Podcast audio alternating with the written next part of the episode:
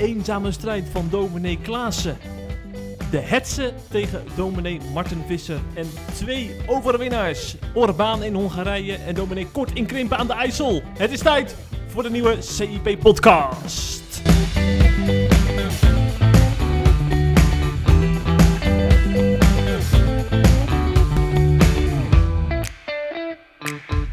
Uitstekende intro. Ja, is het helemaal eh, Ja. zoals je het eh, voor ogen hebt? Ja, prachtig onderwerp ook trouwens. Ja, Zin in. allemaal conservatieve witte mannen. Heerlijk, heerlijk. Een verademing. Ja, precies. Nou, ik stel voor eh, dat we toch in Hongarije beginnen. Want daar is de democratie, heeft daar gewonnen, hè, tenslotte. Dus een goede reden om te beginnen met de ergernis van de week.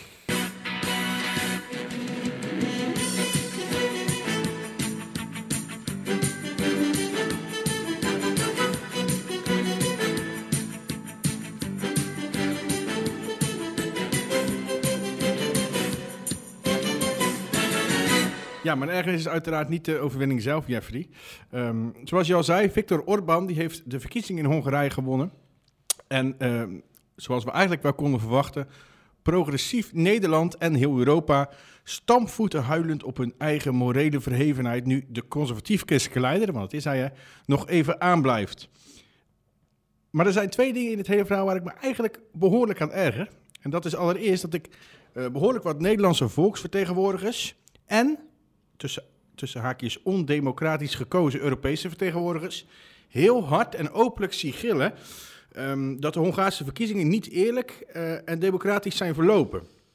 Eh, dat zijn volgens mij tot dusver losse kreten, loze kreten. Ik zie daar geen enkel bewijs bijgevoegd worden. Eh, en dat vind ik echt heel, heel kwalijk. Ten meer omdat dezelfde mensen, toen Trump dat deed, eh, eh, op de hoogste banken stonden te roepen dat je dat helemaal niet kan roepen zonder bewijs en dat hij daarmee andere mensen het opzet, bla bla bla bla. Nu stonden er zelf, en dat zijn gewoon mensen die bij ons in de Tweede Kamer zitten. Hè? Eh, dat is het eerste waar ik mij aan geërgerd heb. Het tweede, ehm Orbán is eigenlijk weer volgens dezezelfde mensen ehm, anti-Minha-gemeenschap. Dus die hele, LHB ik, doe- ik zeg altijd Minha, dat weet je intussen. Ja. Ehm, volgens mij hebben volwassenen echter in Hongarije de keuze om lief te hebben wie ze willen en om te zijn wie ze willen. Dus dat valt wel mee. Alleen wat ze wel doen daar, is dat ze niet willen dat de LHBTIQ plus propaganda over kinderen heen gestrooid wordt op scholen, over minderjarige kinderen. Dat vind ik eigenlijk een prima eh, besluit. En natuurlijk, verder is er, echt, er is echt van alles aan te merken op Orbán, op de mensen om hem heen, op zijn regering, op zijn beleid. Begrijp me vooral niet verkeerd. Maar ik vind het gek dat het eigenlijk alleen maar daarover gaat en dat we eigenlijk een heel eenzijdig beeld voorgeschoteld krijgen. Want wat ik bijvoorbeeld heel mooi vind aan Hongarije, en wat ik echt tot, tot voor kort bijna nergens las, behalve op CIP natuurlijk, eh, en in andere christelijke media trouwens ook wel, eh, dat is dat Hongarije, eh, dat er weinig landen in de wereld zijn die zoveel doen voor vervolgde christenen als Hongarije. Sterker nog, er is in Hongarije een afzonderlijk ministerie voor christenvervolging, of eigenlijk tegen christenvervolging. En ze hebben een staatsprogramma, een hulpstaatsprogramma opgericht, eh, wat speciaal bedoeld is om vervolgde christenen over heel de wereld te helpen. Ik zou zeggen dat is iets waar we in Nederland een enorm voorbeeld aan kunnen nemen. Want het is namelijk, en ik zeg het nog maar eens, de grootste en de zwaarst vervolgde groep, groep ter wereld christenen. En uitgezonderd van de christelijke partijen en Ja21 geeft de politiek in Nederland daar geen zak om. Maar wel lekker met je vingertje naar Orbán wijzen. Daar ben ik een beetje klaar mee.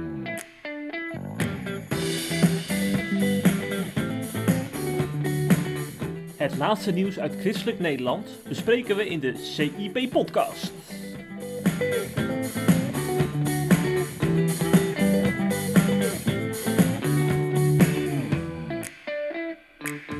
Ja, op naar de tweede overwinnaar. Want niet alleen Nou. eh, Dominic, niet alleen eh Orbaan heeft natuurlijk een overwinning gehaald, maar ook Dominic Kort in de rechtszaal. Orbaan? Hm? Orbaan? Ik zeg Orbaan, ja. Arjan Orbaan. Arjan Orbaan. nee, maar er zit zo'n, zo'n eh, eh, noem je dat? Accent. eh, Accent présence. er zit op de A zit, zit zo'n streepje. En dan zeg je baan. Zoals Kinga Baan, eigenlijk ook Kinga Baan heet die Kinga, Kinga Ban. Dus daarom Orbaan. Maar die tweede overwinnaar, Dominic Kort, daar moet ik ook nog even over hebben. Jongen, jongen, jongen. Dat was ook een Die hebben we trouwens ook al tien keer in de podcast besproken. Dus hele zoet overwinning, hè? Ja, jij viert het ook echt eh, letterlijk, ik hè? heb het gevierd, ja. En ik ga het zo nog een keer vieren. Ehm, ik zal even kort vertellen wat de zaak inhoudt. Hè, voor de mensen die het wellicht, ik denk het eigenlijk niet, maar wellicht een beetje niet meer weten. Daarvoor moeten we terug naar eh, twee jaar geleden. Het is maart 2020 als dominee Anthony Kort, of Anthony Kort, predikant van, een oud, van de oud-gereformeerde gemeente in Nederland, de Krimp aan de IJssel. Die, die besloot een brief te schrijven aan het gemeentebestuur. Eh, en in die brief, die schreef hij eigenlijk naar aanleiding van de coronamaatregelen. En het was, dat is heel belangrijk, een vertrouwelijke brief. Waarin hij onder meer zijn waardering uitte voor, voor de inzet van de gemeente. Voor het gemeentebestuur in de strijd tegen het coronavirus. Maar daarnaast riep hij ook, ook op tot bekering van zowel de kerk als de overheid. En daarbij noemde hij enkele specifieke punten, zoals abortus, euthanasie, zondagrust en, en nu komt het, de roepende zonden die tegen de scheppingsorde indruisen. Die dienen, zo schreef de predikant, uitgebannen te worden. Nou, wat gebeurde vervolgens? De, brief werd door iemand uit het gemeentebestuur in Krimp aan de IJssel eh, gelekt naar de media. Eh, en daar werden enkele losse zinnen uit geciteerd. De Telegraaf deed dat volgens mij met name. En naar aanleiding daarvan ontstond er ophef. Hè. Er werd er een soort van beeld gecreëerd dat hij zou hebben gezegd dat homo's, eh, de roepende zonde die tegen de scheppingsorde indruisen, dat gaat onder andere over homoseksualiteit. Onder andere, dat gaat natuurlijk over veel meer zonde. Het gaat ook gewoon over seks tegen het huwelijk, bijvoorbeeld. In kort zijn optiek, even voor de duidelijkheid. Ehm, maar goed, door die losse zinnen ging de media ermee aan de haal, ging eh, het COC er uit- uiteraard mee aan de haal. En er stond er het beeld dat dominee Kort wilde dat homoseksuelen eh, verbannen moesten worden uit Nederland. Nou, dat kwam ook eh, ter ore bij Leon Houtzager. Dat is de vicevoorzitter van COC Rotterdam. En hij besloot om aangifte te doen tegen Kort. Vanwege die ene zin die ik net vertelde. Hij stelde dat dat beledigend is voor homoseksuelen. Eh, en hij stelde ook dat dominee Kort met de brief bedoelde dat hij de volledige minha-gemeenschap uit de samenleving wilde verbannen. En ook stelde hij dat de predikant in de brief had geschreven dat hij homoseksuelen zag als oorzaak van het coronavirus. Allemaal nogal eh, opvallende conclusies die ik niet uit de brief kan trekken, eerlijk gezegd. Maar goed, Leon deed aangifte van groepsbelediging en aanzetten tot haat en discriminatie. Ehm, het Openbaar Ministerie maakte, er kwamen overigens meer aangiftes vervolgens in navolging van Leon. En het Openbaar Ministerie maakte vervolgens bekend, die onderzocht die aangiftes zoals het hoort in de rechtsstaat. En besloot om niet te gaan vervolgen. Want, zei het Openbaar Ministerie, de uitspraken van de predikant zijn gedaan in verband met zijn geloofsovertuiging. In het kader van de vrijheid van godsdienst en van meningsuiting moet het mogelijk blijven om bepaalde uitspraken te doen, ook als deze kwetsend zijn voor een bepaalde groep mensen.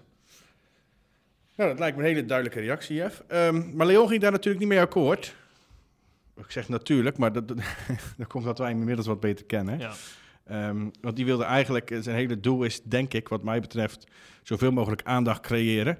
Ehm, en hij tekende dus bezwaar aan tegen de beslissing van het Openbaar Ministerie, wat gewoon mag in Nederland uiteraard. En dat gaat hier eh, in Nederland door middel van een zogeheten artikel 12-procedure. En daarmee zeg je eigenlijk, eh, ik ben het er niet mee eens dat het OM dit heeft besloten. Ik wil dat het gerechtshof hier nog eens naar gaat kijken of het besluit van het OM om niet te vervolgen in dit geval de juiste was. Eh, hij kreeg daarbij hulp van een topadvocaat, namelijk Gerard Spong. En om die advocaat te betalen, die overigens al maar de helft van zijn normale gage vroeg, geloof ik, startte hij een crowdfund. En daarmee haalde hij gigantisch veel geld op. Veel meer dan nodig was voor die hele rechtszaak. Eh, en als ik het goed heb gelezen, wordt de rest van het geld gebruikt, let wel, voor de acceptatie van LHBT'ers in de Bijbelbelt. Wat dat ook mogen betekenen. Misschien. Herman van Wijngaarden kan misschien wel een zakcentje Ja, gebruiken. ja, ja, ja, maar ik denk niet dat hij geld krijgt van Nee. hem. Ik denk dat het eerder eh, naar aangiftes gaat eh, naar rechtszaken tegen andere dominees. Hmm. Maar goed, dat, is, dat weet ik niet. Dat moeten we afwachten. Er volgde daarna raadkamerzittingen en daarin werd besloten om dominee Kort op te roepen voor een verhoor. En dat gebeurde nu, anderhalf maand geleden denk ik, hè? in februari was dat. En eh, dat was wel bijzonder, want bij dat verhoor, eh, bij die zitting, eh, die hoorzitting, daar waren zowel dominee Kort zelf als Leon Houtzager aanwezig. Ehm, nou, kort na die zitting mochten ze daar niet over praten. hè. Dat was door, de, door, de, door, de, door het gerechtshof hem bevolen of gevraagd. Van, ik weet niet of ze dat mogen bevelen, maar gevraagd van... joh, zeg nou niks over de inhoud van de zitting.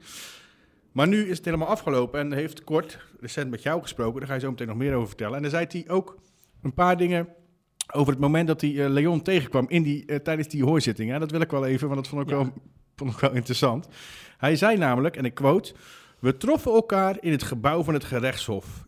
In de rechtszaal liep Leon mij voorbij alsof hij met een paraplu boven zijn hoofd liep. Hij had geen behoefte aan oogcontact. Maar in onze pastorie is altijd iedereen welkom. En dat geldt ook voor Leon. Dat heeft hij trouwens van het begin af aan gezegd, hè? Ja. Eh, tenzij je misschien met een hele cameraploeg en een hele brutale presentator aankomt zetten die je wegzet als racist, maar dat terzijde. Um, vorige week, vorige week volgde vervolgens de uitspraak van die hoorzitting. Hè? Daar hebben wij natuurlijk uh, gespannen op zitten wachten hier op kantoor.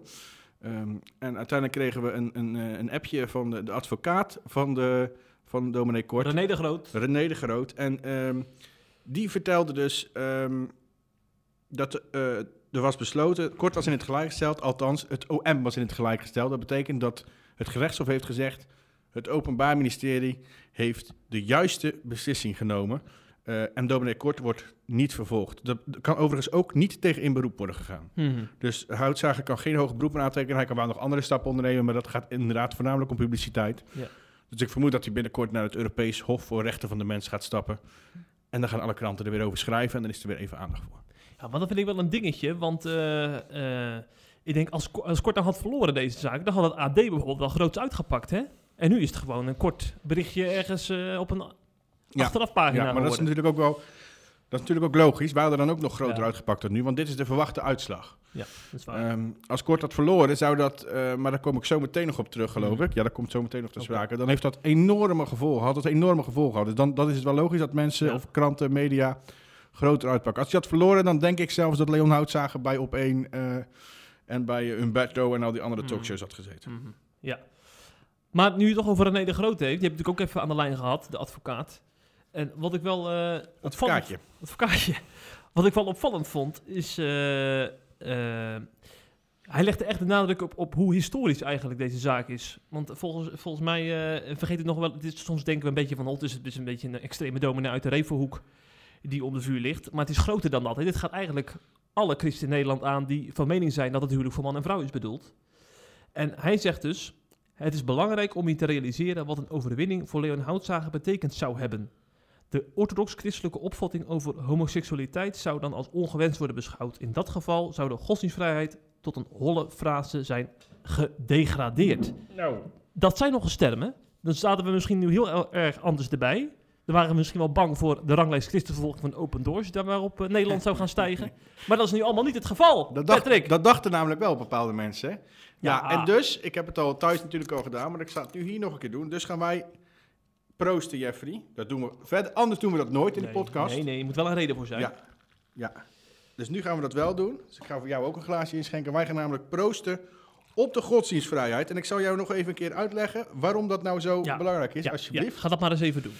Ehm, het is namelijk zo, daarom zei ik net, daar kom ik zo meteen nog op terug. Stel nu dat dominee Kort wel vervolgd had geworden, of zou gaan worden. Hè, dat, dat Leon dus gelijk had gekregen.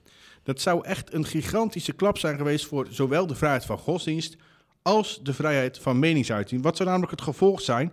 Dan zou letterlijk iedereen die zich beledigd voelt door een predikant, maar ook door andere mensen, aangifte kunnen doen. Als een dominee waarschuwt tegen dronkenschap, dan zou iedereen die een biertje drinkt een zaak aan kunnen spannen. Als een dominee zegt seks voor het huwelijk, ehm, zorgt ervoor dat het seksuele moraal in ons land laag is en het zorgt ervoor dat huwelijken niet meer heilig zijn, dan kan er massaal aangifte tegen die dominee gedaan worden. Ehm, kijk, ik ga de mening van dominee Kort alles behalve verdedigen. Dat hebben wij overigens ook nooit gedaan, dat, dat is helemaal niet aan ons. Eh, of het, het gaat, ik denk mensen niet eens weten wat onze eigen mening op dit gebied is. Ehm, maar ik ga wel het recht om een in zijn ogen bijbelse mening te hebben over seksualiteit en scheppingsorde verdedigen. Want dat vind ik echt heel belangrijk. En over wat dan ook trouwens. En we moeten die mening niet door activisten als Leon Houtzager of eh, Tim Hofman laten verdraaien en vals framen.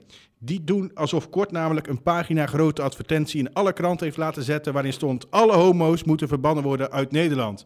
Dat is absoluut niet het geval, geval geweest. En gelukkig zagen zowel het Openbaar Ministerie als het gerechtshof dat ook.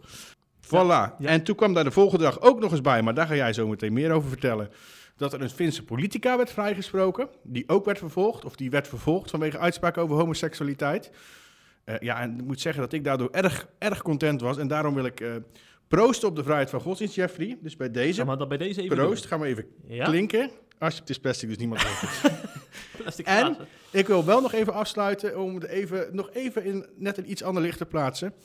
Ehm, met een citaat van Robert Plomp, ons niet onbekend, schrijft regelmatig columns op CIP. Ehm, hij reageerde als volgt op het nieuws van eh, Kort. Zo, hoeven we nu ook niet meer te doen alsof we als christenen vervolgd worden in Nederland.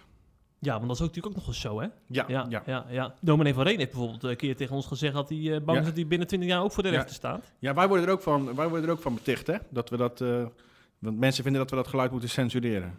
Ja, ja dat hoor je dan Ja, want dan staan er bij ons drie artikelen op waarin iemand iets in die strekking zegt en dan, ligt, dan zijn wij ook zo. Ja. Maar Ja. wij zijn tegen censuur, Jeffrey. Zeker, zeker. En daarom hebben wij, het ook vind ik ook nog wel goed om te zeggen, daarom hebben we ook nog een keer een interviewverzoek gedaan naar Leon Houtzager. Volgens mij heeft onze freelancer dat toen gedaan, in de, toen wij kort ook gingen interviewen. Ja. Want we willen niet alleen praten over Ja. Leon Houtzager, maar ook met. Maar die kans hebben we nooit gekregen, hè? Nee, Toch? ik weet niet, ja, ik, ik moet geen dingen zeggen die niet kloppen. Ehm, volgens mij ehm, wilde hij of een... Hij wilde alleen een live, een live interview of een schriftelijk Ja, interview. ja, dat was het. Dus live dat het één op één Ja. werd uitgezonden. Ja. Nou, dat doen wij sowieso natuurlijk niet. We zijn geen televisieprogramma.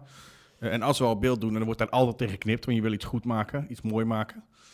Ehm, en, of schriftelijk, geloof ik, ja. En onze freelancer die zei altijd, dat, dat doe ik niet Nee, aan dat kun je niet doorvragen. Nee, Ja. precies. Ja, ja. Eh, en toen heeft, die, eh, toen heeft zij vervolgens in dat artikel gepubliceerd dat hij niet wilde reageren, geloof Mhm. ik. En toen dreigde hij zelfs naar de Raad van Ja, Journalistiek ja, te gaan. Die, die beetje link, ja. Ja, ja. Ja. maar meewerken wilde niet. Sterker nog, hij, hij beticht ons ervan dat hij bedreigd wordt door ons. Ja, en, en ik, ik vind het echt jammer dat we hem nooit echt kunnen, hebben, kunnen spreken. Want die vragen die wij nu hebben, zeg maar, die, kun je, die kunnen, kunnen wij nooit stellen aan Nee, hem. Dat nee. vind ik echt jammer. En want ik kan kort interviewen, dat Ja. is natuurlijk voor, voor ons eh, hartstikke leuk. Ja. Maar je wilt die Leon ook spreken. Ja. En dat hij overigens, dat, wat ik net zeg, dat hij bedreigd wordt of nare ervaringen, he- berichten krijgt van mensen die een artikel bij ons hebben gelezen, dat kan hij niet op ons schrijven. Wij hebben tig keren, tig keren gezegd dat dat niet de bedoeling is. Ja. Vanaf het begin af aan al. In de podcast heb ik dat tig keren gezegd. In artikelen hebben we het geschreven. We hebben het op Facebook eh, gecommuniceerd.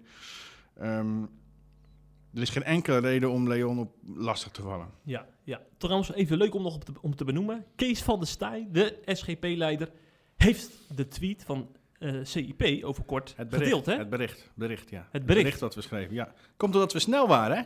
We waren sneller dan andere christelijke media. Ja, Ja. ja. Ja, Diezelfde van der Staaij heeft overigens ook aandacht besteed aan die Finse politica. Hè, die in diezel, op dezelfde dag Ja. ook werd eh, eh, vrijgesproken. Ja, dat is eh Päivi Rezanen. Ik sprak expres de naam niet uit. Nee. Waarschijnlijk zeg ik het helemaal verkeerd. Want er staan op elke eh medeklinker staan de puntjes op. Maar in ieder geval een Finse politica, een prominente politica... die volgens mij nog minister is geweest, Ja. ooit in eh, Finland. Eh, die stond ook voor, eh, voor de rechter. En eh, samen trouwens met een Lutherse priester... die ooit eh, een van haar boekjes heeft uitgegeven over eh, seksualiteit. En beide eh, zijn ze dus eh, vrij vrouw, vrij man... Want eh, die aanklachten zijn eh, eh, ingetrokken. Het ging om drie aanklachten. Deze mevrouw heeft dus inderdaad ooit een boekje geschreven. Dat heet Man en Vrouw schiep hij hen. En daar is dus op, op gebaseerd dat ze homofoob zou zijn. Daarnaast heeft ze kritiek geleverd op de Lutherse kerk van Finland... die meedeed aan de Gay Pride. Op basis van eh Bijbeltekst uit Romeinen 1. En in een tv-interview heeft ze ook nog laten, laten weten... dat er geen ruimte is wat haar betreft voor een, een ander huwelijk... dan een huwelijk tussen man en vrouw. Nou, en dat is uitgebreid behandeld. Ze heeft op één dag zelfs een keer acht en een half uur achter elkaar voor de, voor de rechter gestaan. Dus het was een, echt een ferme zaak. Internationale media aandacht ook. Eh, allerlei pers kwam naar Finland toe om dit te volgen. En na een driejarig, drie jaar durende zaak is ze dan uiteindelijk vrijgesproken. En ze zegt, ik ben bereid om de vrijheid van meningsuiting en vrijheid van godsdienst in allerlei rechtbanken te verdedigen. Ook voor het Europees Hof voor de Rechten van de Mens. Maar ik hoop dat het hierbij blijft. En het blijft hier niet bij, want inmiddels weten we deze week... Ik zag dat Patrick Goede, onze collega... eh, nee, dat Nienke, onze andere collega, een berichtje had gestuurd... dat de aanklager geen genoegen neemt met de, de Ja. uitspraak. Dus Hoger beroep. hoger beroep. Ja. Wordt nog vervolgd in Finland. Ja. Dus dat moeten we blijven volgen. Zeker. Nou, die homo-lobby heeft het maar druk bij christen, hè? Zou Ja. bijna, je zou bijna vergeten dat er nog moslims zijn. Inderdaad, ja. We kwamen namelijk vandaag, eh, kwam er bijzonder nieuws binnen vanuit Gorkum. Daar heeft de lokale SP, Socialistische Partij namelijk, de scheiding tussen kerk en staat niet zo heel serieus genomen. Ze willen namelijk dat het college van burgemeester en wethouders van die plaats zich gaat bemoeien met de preekbeurten van de grote kerk, de hervormde gemeente in die plaats. Wat wil namelijk het geval? Marten Visser, ook ons niet onbekend, eh, predikant, zendeling en directeur van Global Rise. Dat is een zendingsorganisatie. Hè? Ehm, die heeft twee weken terug, in, twee weken geleden, in een eh, Gorkum gepreekt. En dat schoot totaal in het verkeerde keelgat bij de SP, aangezien Visser de inmiddels beruchte Nesville-verklaring heeft ondertekend. En daarom heeft de partij besloten om schriftelijke vragen te stellen over zijn preekbeurt in Gorkum. Uh, dat heeft overigens ook een verleden. In 2020 ging Visser namelijk ook al voor in de Grote Kerk in Gorkum. En toen kondigde het Algemeen Dagblad dit met een groot artikel aan met de kop Nesville dominee gaat voor in Gorkum. Uh, daarop werd er een demonstratie bij die kerk georganiseerd tijdens de dienst. Uh, overigens was dat ook weer niet de eerste keer, want dat was daarvoor ook al een keer bij dominee Klaassen aangekondigd. Die is toen eigenlijk niet gekomen, hè? Die preekbeurt is toen geannuleerd. Dat gebeurde niet bij Visser. Die, die preekbeurt ging gewoon door. En, uh, maar er was wel degelijk een demonstratie. En de SP deed daar ook aan mee. En die dachten daarmee een duidelijk signaal af te hebben gegeven, waardoor Visser niet meer terug zou komen in Gorkum. Nou, daar ken je Visser niet en schijnbaar ook de grote kerk in Gorkum niet. Want twee weken geleden stond Visser daar gewoon weer op de kansel. En terecht zou ik zeggen, want het zou belachelijk zijn als een predikant ergens niet mag spreken vanwege zijn visie op het huwelijk en op seksualiteit. Althans, als dat van de gemeente en de politiek niet mag. Ik vind dat de kerkraad altijd uh, uh, de vrijheid heeft om zelf te bepalen wie er wel en niet komt preken.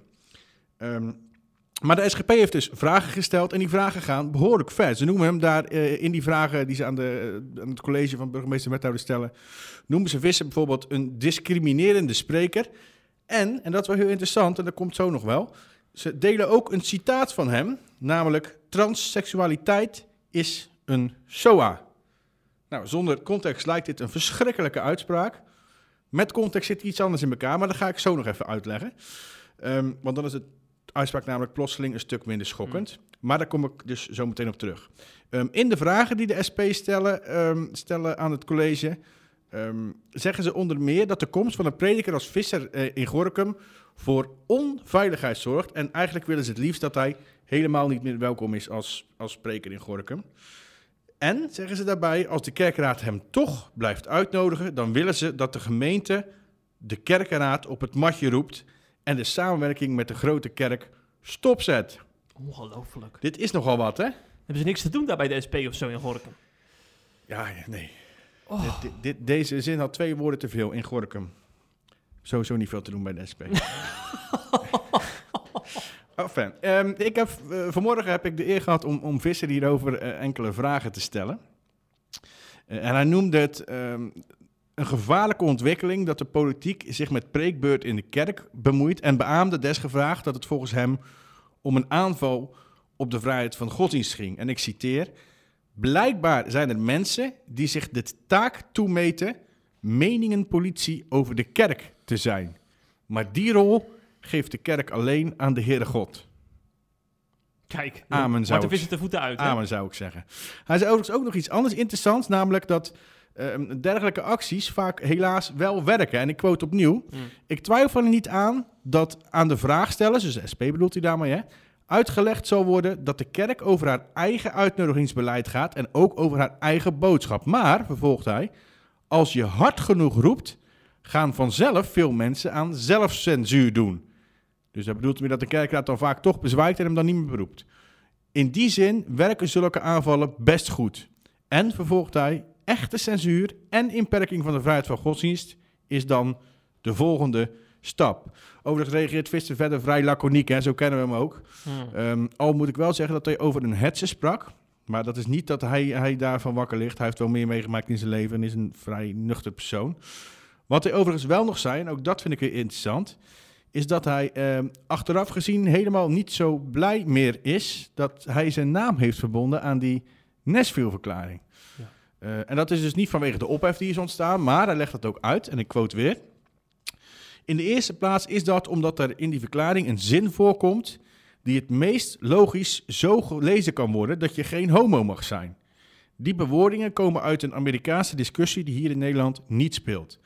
En in de tweede plaats uh, omdat uh, de Nashville-verklaring eenzijdig de aandacht richt op homoseksualiteit, terwijl voor iedereen het omgaan met seksualiteit een gebied is waar we worstelen met de zonde. Uitstekende toevoeging, die laatste trouwens. Dat is precies de reden waarom ik niet voor de Nesville-verklaring ben. Hm.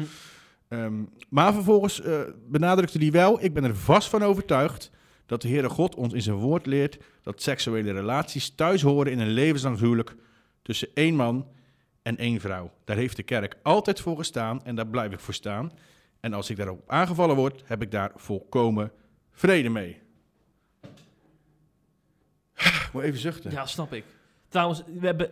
Eigenlijk is het... eh, is het pech voor de SP dat ze nu Martin Visser treffen? Want je zou maar gewoon een pikken en dominee treffen die, die helemaal niet zo uitgesproken principieel is. Ja. Dit gaat buigen. Die gaat buigen. Mooie woordspeling ook buigen. Ja, dat kan ook nog zomaar, hè, de PKN. ja. Overigens, wat ik nou vergeet, ik vergeet helemaal Ja. terug te komen op die uitspraak Oh, van... eh, oh ja, SOA. Dat transseksualiteit een SOA Ja, is. Dat komt, rare uitspraak. ja, dat komt in eerste instantie heel erg over als, als echt. Dan denk ik, nou ja, ik snap SP wel. Want dat vind ik nogal wel een vergaande uitspraak. Ehm Martin Vitsen legde even uit eh, eh, wat de context van die uitspraak was. Wat SP eh, vertikte. Natuurlijk bewust, want dan is het minder schokkend. Ehm, hij vertelde namelijk, er was een school in Engeland. En daar ehm, op die school zaten negen meisjes die zeiden dat ze transseksueel waren. Vervolgens kwam de corona-lockdown. Ehm, binnen de kortste keren wilden zeven eh, eh, van de negen meisjes weer gewoon als meisje door het leven gaan. En noemden zichzelf geen transseksueel meer. En er was nog een achtste die daar ook over nadacht. En zegt Marten Visser, ik citeerde, ik citeerde dat in een tweet en schreef daar als commentaar bij... Transseksualiteit is een SOA, dubbele punt, nou komt het, een sociaal overdraagbare aandoening. Dus het is een woordspeling, zeg maar, van Ja. het, het, het, wordt je aangepraat, je, je gaat elkaar nadoen enzovoort. Eh, en vervolgens zei hij er ook bij, het wordt tijd voor een preventieve aanpak. Daar zegt hij nu over. Het was wellicht een wat provocerende verwoording, eh, maar ik sta, wel, ik sta wel helemaal achter de inhoud van dat bericht. En in plaats van zich opwinden over mijn bewoordingen, zouden ze zich op moeten winden over het feit dat zoveel meisjes de laatste jaren in verwarring zijn geraakt over hun seksuele identiteit. In sommige landen is dat aantal binnen vijf jaar tientallen keren zo groot geworden. Dan heb je het over sociale besmetting. Ze lopen het gevaar in een medisch traject terecht te komen dat hun lichaam onherstelbaar beschadigt. Dat is het schandaal hier. ja, Duidelijk toch? Martin Visser zoals we hem kennen. En het maakt echt wel die uitspraak een, een stuk anders, vind ik. Ja, ja absoluut. Het is nog redelijk eh, radicaal, maar dat is inderdaad wel Martin Visser. Ja. Ja, en soms moet je ook provoceren, provoceren om je punt te laten overkomen bij, eh, bij mensen. En dan wordt er tenminste over gesproken, hè, Pet? Ja, ja, dat is waar. Ja. Ja? Hoeveel is er over Jezus gesproken in deze dis- discussie dan? Ja, ja dat, dat is wel een goed punt van jou. Ja. Ja. Ja, ja, Dat heb ik ook wel eens eh, bij een discussie bijvoorbeeld over eh, of de PKN wel of niet de ware kerk is, of, of de goede lijn zit. Dan denk ik van, ja, waar is Jezus daarin, hè? Ook de ware kerk kan wel eens de verkeerde lijn hebben, Jeffrey. Oké, ja, ja, ja. Ook weer zo. Dominee Klaassen, die zal dat met jou eens zijn, eh, Patrick. Weer over homoseksualiteit gaan we het nu hebben, zeker. Ja, ook weer een Dat is- Nashville dat dominee, is hè? Ongelooflijk. Ook weer een Nashville dominee. Een, een, dit is een, Ja, grote homo-podcast geworden, dit. maar dit is het hete hangijzer van de komende decennia. Nou, ik denk het ook. Ja, Nou, ja, het ligt er hoe snel het gaat. Kan ook binnen... Laten we eerst gaan vertellen wat er aan de hand ja is. precies. Ja, want dominee Klaassen die heeft zich uitgesproken op zijn blog en ook in alle christelijke media. Want hij is geïnterviewd door het RD, het ND en ook door CIP over zijn zorgen. Hij heeft zijn zorgen in vier punten toegelicht eh, op zijn blog. Heel Eh, volgens traditie. De mogelijkheid van het zegenen van andere relaties dan die van man en vrouw. eh, die vindt hij natuurlijk strijdig met hoe God over het huwelijk denkt. Daar is hij heel erg bezorgd over dat het in de PKN de verkeerde kant op gaat. Hij verwijst ook naar een uitspraak in de PKN in 2018 dat de kerk geen waardeoordeel uitspreekt over de seksuele geaardheid van haar leden. Hij verwijst ook naar een geruisloze invoering van een liturgie voor het zegenen van transgenders die hun trans- transitie hebben ondergaan. Er is een lit- lit- liturgie voor gemaakt in de PKN. Eh, het is allemaal zo schokkend dat ik over de woorden struikel. en hij verwijst ook nog naar een rapport van de Protestantse Theologische Universiteit in Utrecht, waarin een pleidooi wordt gevoerd voor meer inclusiviteit in zaken LHBTI'ers in de kerk. Nou, allemaal punten waar Dominic Klaas erg bezorgd over is. Eh, want volgens hem is het geen achterhoedegevecht, maar gaat het echt om de kern van het evangelie, hoe God over huwelijk en seksualiteit denkt. Ehm, ja, dus daar mag je je zorgen over uit. Heeft hij al vaker gedaan. We hebben een videoserie met Klaassen gemaakt. Ja. Eh, hij heeft talloze boekjes al geschreven hierover. Dus hij laat Ja. van zich horen. Ja. Eh, maar nu dacht hij, ik ga de kerkelijke weg bewandelen en ik ga het ook eens intern aankaarten. Ah, intern. Nou ja, bij de, bij de klasses. Ja. De klasses Delta, want hij woont in Zeeland. En eh, daar heeft hij een officieel bezwaar ingediend. Dat, met een moeilijk woord heet dat gravamen of zo. Gravendum. Gravendum. Hmm. Ik heb er nog nooit van gehoord. Jij wel, voordat je dit las? Tuurlijk. Ik denk, waarom verzin de kerk al van die domme termen als je gewoon zegt het is een bezwaar? Laten we gewoon ook bij een bezwaar houden. Dus een bezwaar tegen Ja, de je, je, hebt ingediend. 100, je hebt natuurlijk honderd verschillende bezwaren. Ja, dat is dat- ja. Dus dan heeft het allemaal weer... Dit is de zwaarst mogelijke vorm van bezwaar, als ik het goed heb uit mijn hoofd. Ja, en het is ook een, een bezwaar dat eh, betrekking heeft op de officiële geloofsbelijdenis van de kerk. En dan, daarom eh, is dat weer een andere benaming. Eh, maar dit bezwaar werd dus ingediend bij de klasses en is afgewezen. Dus het gaat niet door naar zeg maar, de bobo's in Utrecht op het, bij de PKN landelijk. Ja, omdat, juist omdat, kijk, Ja. juist omdat het niet een bezwaar is op de beleidenis. Dat is dus het hele punt. Daarom is het afgewezen. Ja, het is afgewezen omdat eh, het geen betrekking heeft op die geloofsbelijdenis. Bij zo'n gravamen, je had wel gelijk. Bij zo'n gravamen, eh, dat, dat is een bezwaar. Dat is het zwaarst mogelijke bezwaar wat je kan hebben, eigenlijk Mhm. indienen. En dat is een bezwaar tegen de beleidenis van de kerk. En dit, Ja. dit punt is volgens degene die het bezwaar behandeld hebben, Ja. Is dat niet het geval. En daarom is het afgewezen. Nee. Dus niet inhoudelijk afgewezen. Dat Klopt. is wel even duidelijk. Klopt, zeker, zeker. Want bijvoorbeeld, hè, om een voorbeeldje te noemen, die Klaas heeft een bezwaar tegen die inzegening van eh, eh, de liturgie voor het inzegenen van transgenders. Ja, Ja. dat is geen officiële geloofsbelijdenis van de kerk. Dat is gewoon iets Ja. wat is toegevoegd in de loop der jaren. Ja, wat is veranderd? En volgens hem geruisloos, geniepig. Nou, Hè, want daar is, eh, want dat, is, dat is een kritiekpunt. Er is verder geen synodevergadering over gehouden. Waar, vervolgens is doorgesluist naar de gemeente om er nog eens over te vergaderen en zo, wat ze daarvan vinden. En dat vindt hij dus heel erg. Dat het zomaar allemaal via de achterdeur de kerk binnenkomt. En vandaar zijn bezwaar. En we hebben daar theoloog Wim Dekker over geïnterviewd. Dat is misschien heel erg belangrijk om te zeggen. Dat is geen eh Klaassen 2.0. Dat is echt een theoloog die niet bij de flanken hoort. En echt- goed, het- radicale midden kan overzien. een echt hervormde is dat toch ook? Een echte, ja, Ja, het is wel een echte hervormde. Ja, Klaas is dat iets minder, hè? Die, die, ja, die heeft geen hervor- hervormde wortels, bedoel jij? Klaas is, een- die heeft wel beleidnis om de kerk, Ja. maar daarvoor was hij volgens mij, eh, nou in ieder geval van een afgescheiden kerk, volgens mij was het geen net. Mm, mm, mm. Eh, en Dat vind ik gereformeerd in ieder geval. Is, is niet hartje, is dat dit altijd wel een beetje ja, gebleven. ja, ja, Daar ja, komt dit ja. hele probleem ook denk ik vandaan, maar dat ga ik straks Mhm. nog wel even Ja, vertellen. ja, precies. Maar die Wim Dekker, die, eh, die zegt dus inderdaad, wat wij net zeiden, van dat het niet over de officiële geloofsbelijdenissen gaat. Dus daarom is het, is, is het dus afgewezen. Maar die Dekker zegt wel eh, eh, dat hij wel zijn vraagteken zet bij, eh, bij hoe het in de PKN eraan toe gaat. Omdat ze ook geen theologische verantwoording afleggen over eh, eh, nieuwe voorstellen als een liturgie voor transgenders die worden ingezegend. En hij zei, het moet mogelijk zijn om daar bezwaar tegen in te dienen. En er moet diepgaand en breed over gesproken worden wat hem betreft. Eh, dus ik, da- daarmee zegt hij eigenlijk dat Klaas wel ergens een punt heeft. En dat blijft nu onvoldoende liggen. Ja. Gelet ook op de reactie van de scriba van de PKN, de grote voorman, die eigenlijk zegt... eh Klaas, je moet een beetje dimmen. Want hij zegt, eh, dit, deze zaken zijn niet gediend bij grote statements. Dan laten we het vooral het overleggen intern. Ja, Hè? ja. Nee, transgenders gaan inzegenen en daar, eh, en daar eh, liturgie van maken, dat is geen groot statement. Dat zei Klaassen dus ook, Dat ja. is een gigantisch statement. Ja, ja Klaassen was Kom nou behoorlijk op. Op Ja, zijn ja, maar ik, ik, dan moet je dat niet van een ander gaan zeggen van Nee. dat is een groot statement. Daar heeft Nee. Klaas er volkomen gelijk in. Ja. We hebben Klaas natuurlijk even gebeld, maandag. Want ja, de bericht opgemerkt in het RD, hè? En Ja. eh, het RD heeft natuurlijk geïnterviewd. En wij als CIP wilden hem toch ook even graag persoonlijk nog een vraagje stellen. En uit het interview voerden mij een paar dingen op. Ten eerste wat ik al net zei, dat hij dus constateert dat die progressieve wind harder gaat waaien in de PKN. En dat via de achterdeur eh, naar binnen komt. Mhm.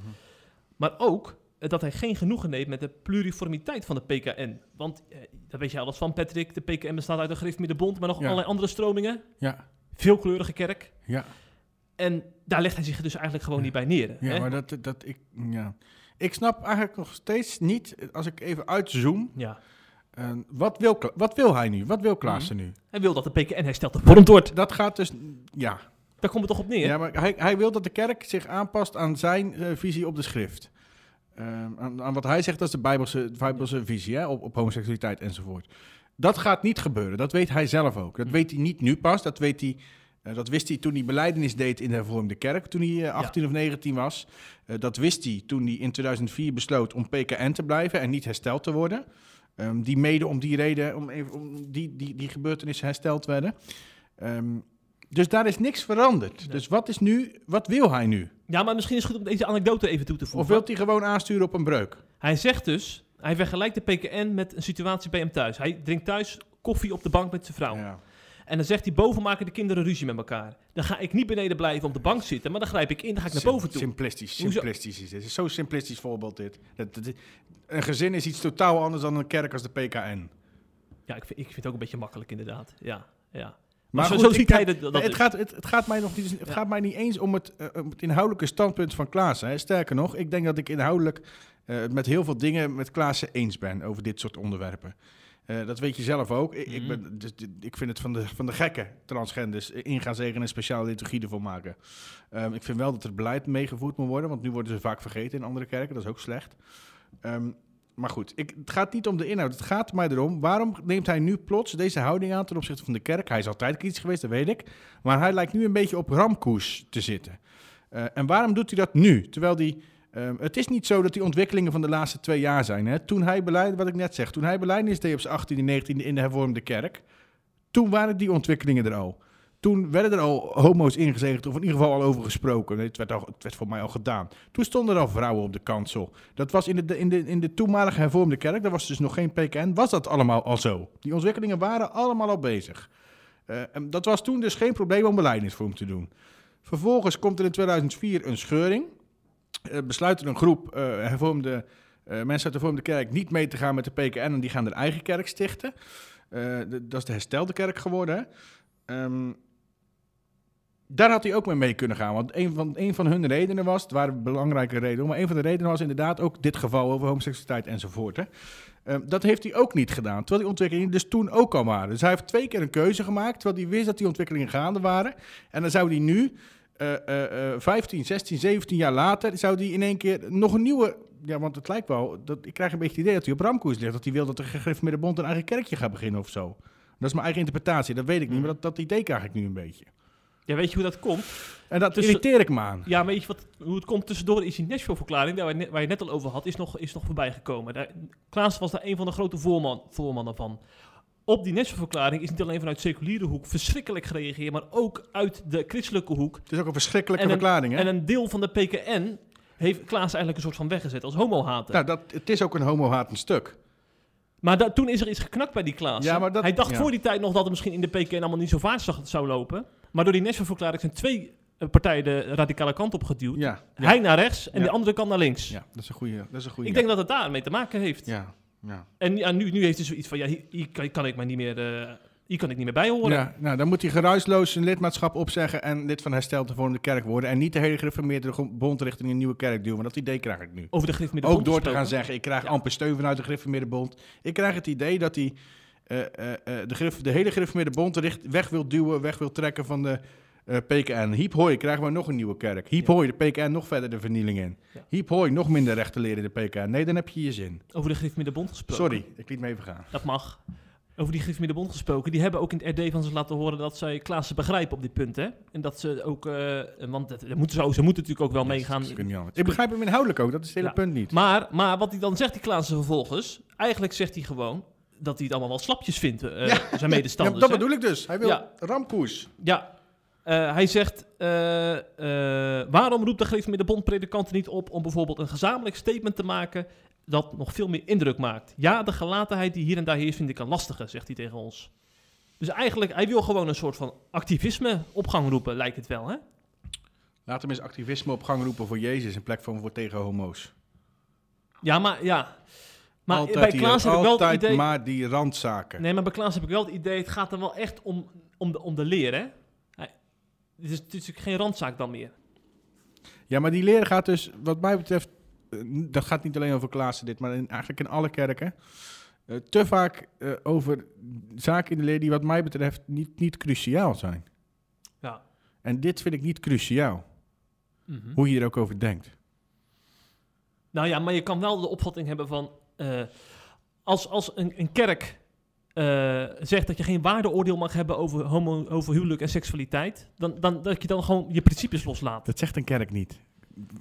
Eh, Klaas is volledig vrij om in zijn eigen kerk eh, ehm, enkel mannen te bevestigen. Ja, Hij is volledig vrij om in zijn eigen kerk, vanaf de preekstoel, Hmm. in het pastoraat, in het kerkblaadje, in, de, in interviews, openlijke interviews ook, om te zeggen, ik geloof in het huwelijk daarom, ja. als een verbintenis, wat we het net Mhm. over gehad hebben, als een eeuwig, of een eeuwig, een levenslanglurende verbintenis tussen één man en één vrouw. Daar ben je in de PKN volledig vrij in. Alleen hij zegt, iedereen moet zo denken als ik.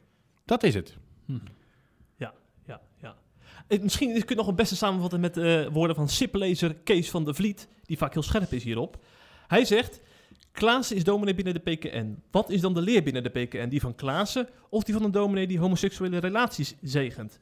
Dit is nu het eigene van de PKN. Over dit soort onderwerpen waar verschillend over wordt gedacht, laat men de verschillen bestaan.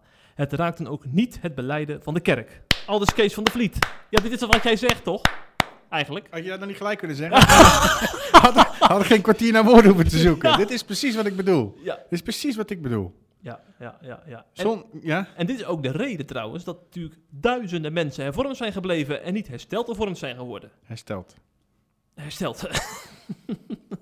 ja. ja, precies. Maar hier gaat al veel over geschreven worden, Patrick. Let op mijn woorden. Want eh Klaas heeft echt een flinke steen in de kerkelijke vijver gegooid. eh, Ja, ik heb, echt, ik heb echt wel mo- zorgen. Ik denk dat Ja. het echt wel eens tot, tot, tot, tot grote problemen kan leiden binnen de Griffmiddenbond. Ja, maar de vraag is ook of, of, of het bij zeg maar, Klaas te blijven... of dat er een groep ook echt nu achter hem gaat staan en zegt van... we gaan ook nu statements Er is een groep die zich gedwongen voelt om dat nu te doen. Ja? Omdat als ze het niet doen, dan horen ze tot een groep die te slap is. Die nu vol- in Klaas' bewoordingen gelaten is. Hm. Hm. Snap je? Ja, ja, Denk ik, hè? Denk ik. zou kunnen. Ja. Ik, kan er, ik hoop er helemaal naast te zitten. Mhm. Ja. Volgende week eh, zitten we bij Wim Dekker, mijn grote vriend, in Oosterwolde om een podcast te Je begint maken. nou wat te glunderen, joh. Ja, dat is een geweldige man. Ben je toch ook een enorme aansteller? En ik hoop dat ik jou die week erop weer spreek, Patrick. Want ik heb jou een maandje niet gehoord in deze podcast. Dat was behoorlijk stil eh, zonder jou. Waar was je al die tijd? Was je op vakantie of zo? ja, ik heb, Oh. eerst heb ik een, een week heerlijk geskiet. Mm. En geappreskiet in Oostenrijk.